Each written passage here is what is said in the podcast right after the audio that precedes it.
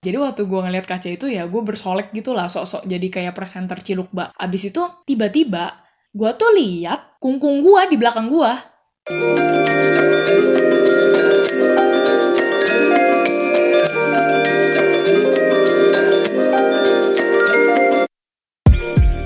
Halo semuanya, selamat datang di podcast Abjad Tersirat. Dan di episode spesial Halloween ini Gue akan ceritain pengalaman supranatural Yang sering banget gue alamin waktu gue masih kecil. Jadi gue udah menyiapkan tiga cerita Yang siap bikin bulu kuduk kalian bergidik. Dan cerita pertama itu adalah saat gue ngelihat kuntilanak pertama kalinya di kamar nyokap. Cerita yang kedua itu saat gue uh, bisa ngelihat makhluk-makhluk goib Waktu gue bangun tidur khususnya di jam-jam maghrib. Dan yang ketiga, ini adalah cerita klimaks yaitu tentang gue Yang waktu itu lagi tinggal di rumah apa apo gue di Bangka dan gue ngeliat arwah kungkung gue di depan kaca. Untuk yang baru dengerin atau follow Abjad Tersirat, gue cuma mau kasih tahu dulu nih ke kalian kalau podcast ini tuh bukan kayak podcast horror Do You See What I See ya. Honestly cerita horror ini sebenarnya sih out of topic dari tema podcast keseluruhan Abjad Tersirat. Tapi setelah gue ngobrol-ngobrol nih sama Adrian, hostnya podcast Perawan dan juga gue sempat nanya sama kalian di poll Instagram Stories, apakah kalian mau denger cerita horror di momen Halloween ini atau enggak? Eh ternyata kalian banyak yang pilih pengen denger. Ya udah akhirnya gue putuskan aja untuk iseng dan uh, bikin cerita tentang pengalaman goib gue mumpung auranya lagi pas gitu kan ya tadi kan kalian udah denger ya kira-kira cerita apa yang akan gue ceritain di episode ini. Dan mungkin ada beberapa dari kalian mikir kali ya, ini si Acing lahir di tempat pesugihan apa bagaimana kok sering banget gitu ya ngeliat makhluk gaib. Nah sebenarnya gue mau cerita sedikit nih tentang kepercayaan di keluarga gue dan hubungannya tuh gimana gue jadi bisa ngeliat uh, hal-hal goib seperti ini. Jadi bokap gue tuh uh, pemeluk kepercayaan Kongfucu dan di rumah gue tuh yang juga gabung sama bisnis pabrik bokap bikin makanan ringan. Di situ ada beberapa patung buat disembah. Dewa perang lah, Dewi Kuan Im. Pokoknya nuansa rumah gue tuh berasa kayak lagi di adegan syuting kerasakti lah ya. Selain itu, bokap gue tuh juga lumayan rutin datang ke orang pinter bukan dukun sih tapi ini disebutnya tuh uh, Tai Paksen kalau dalam kepercayaan bokap gue dan Tai Paksen ini adalah orang yang biasa ngedoain patung-patung yang tadi gue sebutin ke kalian si Tai Paksen ini tuh kayak orang yang bikin roh di dalam patung-patung itu terasa lebih greget gitu kali ya, lebih hidup gitu. Dia tuh selain ngedoain patung juga bisa ngeramal. Terus bokap gue tuh ternyata uh, merasa apa yang dia ramal itu tepat. Jadi waktu gue masih kecil, sekitar umur 4 atau 5 tahun gitu kali ya, gue tuh pernah ngikut bokap ke tempatnya si Tai Paksen ini. Nah, yang gue inget tuh waktu gue masuk ke rumahnya si Tai Paksen ini, kita tuh masuk ke satu ruangan tempat dia ngeramal dan doain patung. Terus uh, kamarnya tuh isinya merah semua, pakai lampu remang-remang gitu. And the next thing I know, ternyata bokap tuh bilang ke gue kalau gue tuh mau didoain sama si Tai Paksen ini. Karena kan uh, waktu masih kecil itu gue tuh sakit-sakitan mencret gitu loh. Jadi mereka percaya mungkin ada makhluk halus yang ngikutin gue dan jadi apa sih affect my health gitu lah. Nah hubungannya apa sama gue bisa ngelihat makhluk goib?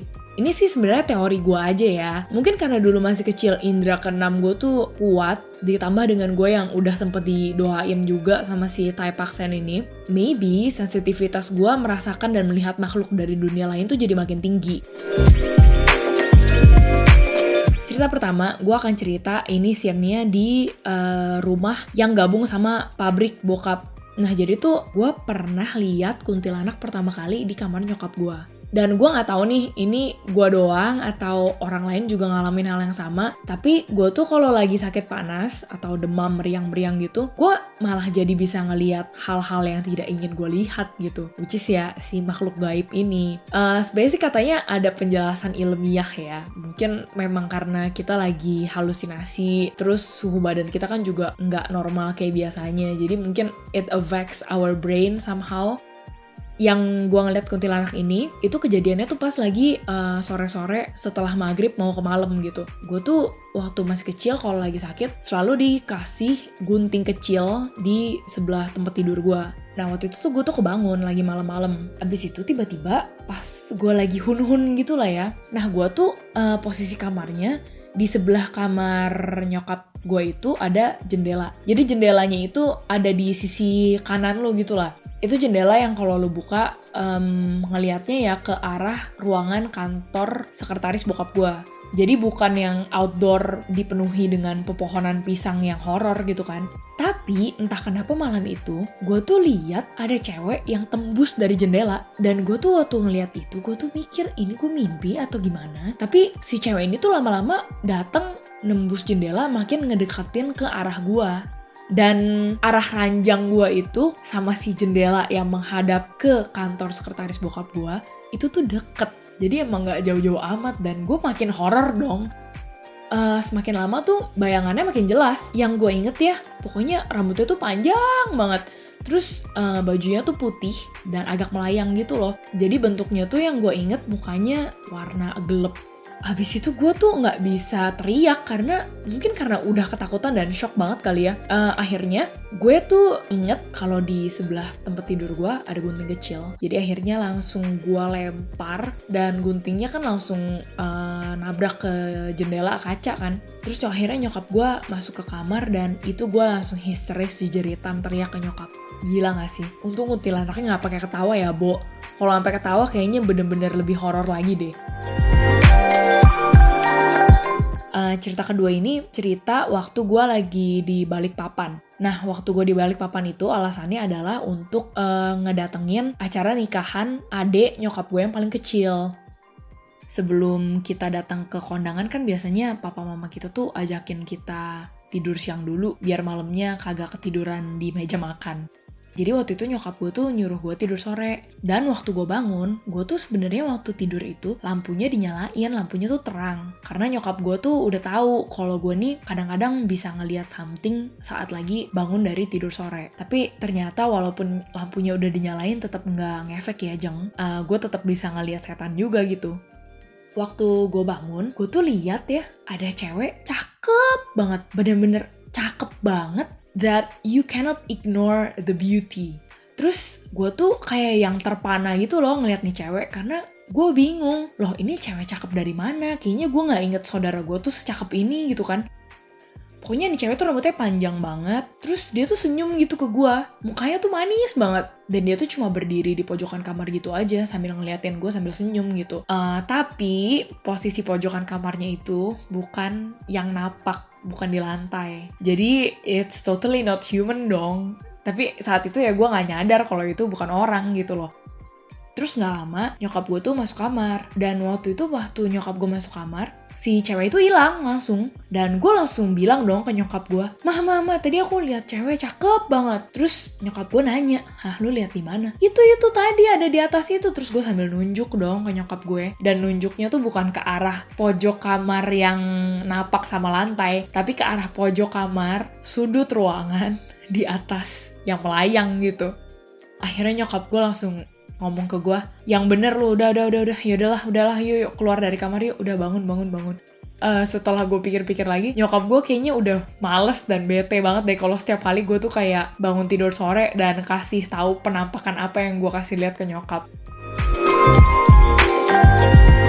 Cerita yang ketiga nih ini cerita yang menurut gue sih paling horor ya buat gue gue tuh waktu lagi masih kecil itu sering pulang ke kampung halaman nyokap gue, yaitu di Bangka. Biasa tuh kalau gue, bokap dan saudara-saudara tuh pulang ke Bangka, itu karena ada acara sembayangan leluhur atau misalnya ada penguburan kakek nenek atau penguburan siapa lah gitu kan. Nah waktu masih kecil itu tuh kungkung gue tuh lumayan dekat sama gue dan dia suka kasih uang jajan lah. Mungkin itu alasan gue kenapa gue jadi dekat sama dia. Jadi waktu dia meninggal, gue dan seluruh keluarga besar pulanglah ke Bangka. Karena waktu itu dia tuh dirawatnya di rumah sakit Darmais, which is di Jakarta kan. Kita tuh kalau lagi di Bangka biasanya tinggal di rumah kungkung popo gue. Which is rumahnya itu uh, di tengah-tengah hutan. Jadi kalau di kampung nyokap gue nih, kampungnya Sungai Liat, ada hutan gede dan biasa di hutan itu ada beberapa rumah. Kalau di kawasan hutan tempat kungkung popo gue tinggal, itu kira-kira ada 10 rumah lah. Tapi jaraknya tuh nggak berdekatan, jadi kira-kira kalau lu naik sepeda selama 5 atau 10 menit, nah baru ketemu rumah lain. Dan waktu tahun 90-an itu, gue inget di hutan itu tuh gelap banget. Jadi walaupun ada rumah, tapi lampunya itu ya cuma ada lampu dari rumah-rumah itu sendiri gitu loh. Dan sedangkan kan rumahnya kan uh, nggak yang berdekatan gimana banget. Jadi uh, ya lu kebanyak sendiri lah betapa horornya tuh rumah layout rumah Popo dan Kungkung gua, itu tuh sebenarnya rumah udah lama banget. Jadi dari sejak mereka nikah kalau nggak salah, which is dari tahun I guess 40-an. Terus di rumah itu tuh kayak tipikal rumah Chinese zaman dulu gitu loh uh, yang pintunya tuh gede banget dan ditutupnya tuh pakai slot kayu. Nah, kalau lo masuk ke rumah kungkung gue sama popo gue itu bentuknya L. Pertama kali lo masuk, itu akan ngeliat ruang tamu. Jadi di ruang tamu itu juga ada ranjang kecil, ranjang untuk satu orang doang lah untuk tidur siang atau nyantai-nyantai. Nah di ranjang itu sebelahnya kan ada tembok, temboknya itu ada kaca gitu panjang. Terus di ruangan itu ada dua kamar kalau misalnya lu move ke ruangan yang berikutnya, kan tadi gue udah bilang ya layoutnya tuh L, jadi kalau lu belok kanan, itu akhirnya bentuknya ya makin panjang gitu. Kalau lu masuk ke ruangan kedua, ruangan kedua itu yang gue inget tuh popo gue taruh-taruh kayak kabinet untuk naruh piring, ngambil peralatan dapur, nah itu semuanya kayak gitu ada di sana. Kalau lu move ke ruangan yang ketiga, itu ruangan paling terakhir. Ruangan itu isinya adalah tempat masak yang masih pakai tungku kayu gitu. Terus ada meja makan dan di depannya meja makan itu ada tempat buat kita mandi. Yang bermasalah ya dari ruangan ketiga ini adalah di sebelah kamar mandi itu ada sumur. Jadi uh, gue tuh kalau misalnya mandi nggak ada air, mesti ngegali sumur dulu. Kalau misalnya uh, butuh air buat masak, mesti ngegali sumur dulu. Pokoknya horor banget deh waktu masih kecil itu gue di sana. Terus one day jam 2 atau 3 pagi gitu, gue kan tidur sama koko gue di ruangan yang paling pertama. Terus uh, waktu gue lagi tidur, koko gue bangunin gue. Terus koko gue bangunin gue dan ngomong, Cing, temenin gue dong buat ke WC. Gue takut nih sendirian, soalnya kan itu ada yang di paling belakang ruangannya. Jadi kita tuh waktu lagi keluar dari kamar, kita tuh mesti bukain pintu kayu yang gede, slot satu-satu gitu, untuk move ke ruangan yang berikutnya. Jadi dari ruangan satu ada pintu kayu gede, ada slot kayu, lu buka. Dan masuklah ke ruangan kedua, dan itu lumayan panjang ruangannya. Terus uh, banyak kayak, apa ya, sudut-sudut kosong gitu. Jadi itu kayak lumayan horror kan nuansanya udah kayak build up gitu. Dan dari ruangan kedua itu, kita harus buka pintu kayu lagi yang gede untuk ke ruangan ketiga. Nah pas lagi koko gue di WC kan gue bosen nungguin dan gue tuh takut sama si sumur itu. Jadi akhirnya gue bilang sama koko gue, kok gue ke depan ke ruangan depan dulu ya. Gue tungguin lu aja di sana. Akhirnya gue jalan balik lagi ke ruangan pertama koko gue di WC. Pas di ruangan pertama itu kan tadi gue udah sebutin ada kaca di tembok kan.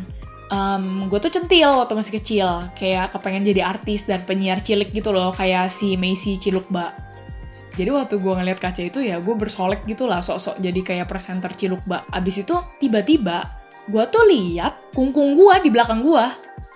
Dan gue kan lumayan dekat sama kungkung gue. Gue tuh nggak takut sih waktu lihat itu dan gue malah bilang, kok kungkung ada di sini? Jadi uh, kita tuh posisinya sekarang gue ngadep kaca dan di kaca itu gue lihat kungkung gue di belakang bahu gue gitu ya. Terus kungkung gue cuma senyum doang, nggak jawab apa-apa, diem. Dan sampai akhirnya koko gue dateng lah ke ruangan yang pertama. Dan dia ngomong, lu ngapain cing ngomong depan kaca? Terus gue bilang dong sama koko gue, kok gue tuh tadi lihat kungkung. Terus muka koko gue tuh yang udah shock gitu. Karena waktu gue umur 4, ya koko gue kan umur 9. Dia udah SD dan uh, udah lumayan ngerti lah kalau yang kayak gitu-gitu gitu, gak sepolos gue setelah gue ingat-ingat lagi saat gue sudah dewasa, uh, kaca itu, itu tempatnya kan sebelahan sama si ranjang kecil untuk tidur siang. Dan kungkung gue itu tuh sering banget tidur siang di sana. Jadi I guess it's some kind of like a sign that dan walaupun dia udah meninggal mungkin satu hari atau dua hari sesudahnya, ya mungkin itu buat tanda kali ya dia masih ngunjungin tuh rumah gitu. Jadi sekian cerita goib gue di momen spesial Halloween ini. Uh, kalau misalnya kalian takut sendirian dengerin podcast ini, coba deh dengerin podcast ini sama gebetan kalian. Biar ada alasan untuk pegang tangannya gitu kan kalau ketakutan. Lumayan modus cuy. Makasih untuk kalian semua yang udah dengerin podcast Abjad Tersirat selama gue rehat nulis di bulan Oktober ini. Bulan November gue akan balik lagi dengan cerita-cerita terbaru. Dan kalau kalian menikmati karya-karya Abjad Tersirat, jangan lupa untuk share juga ke teman-teman kalian.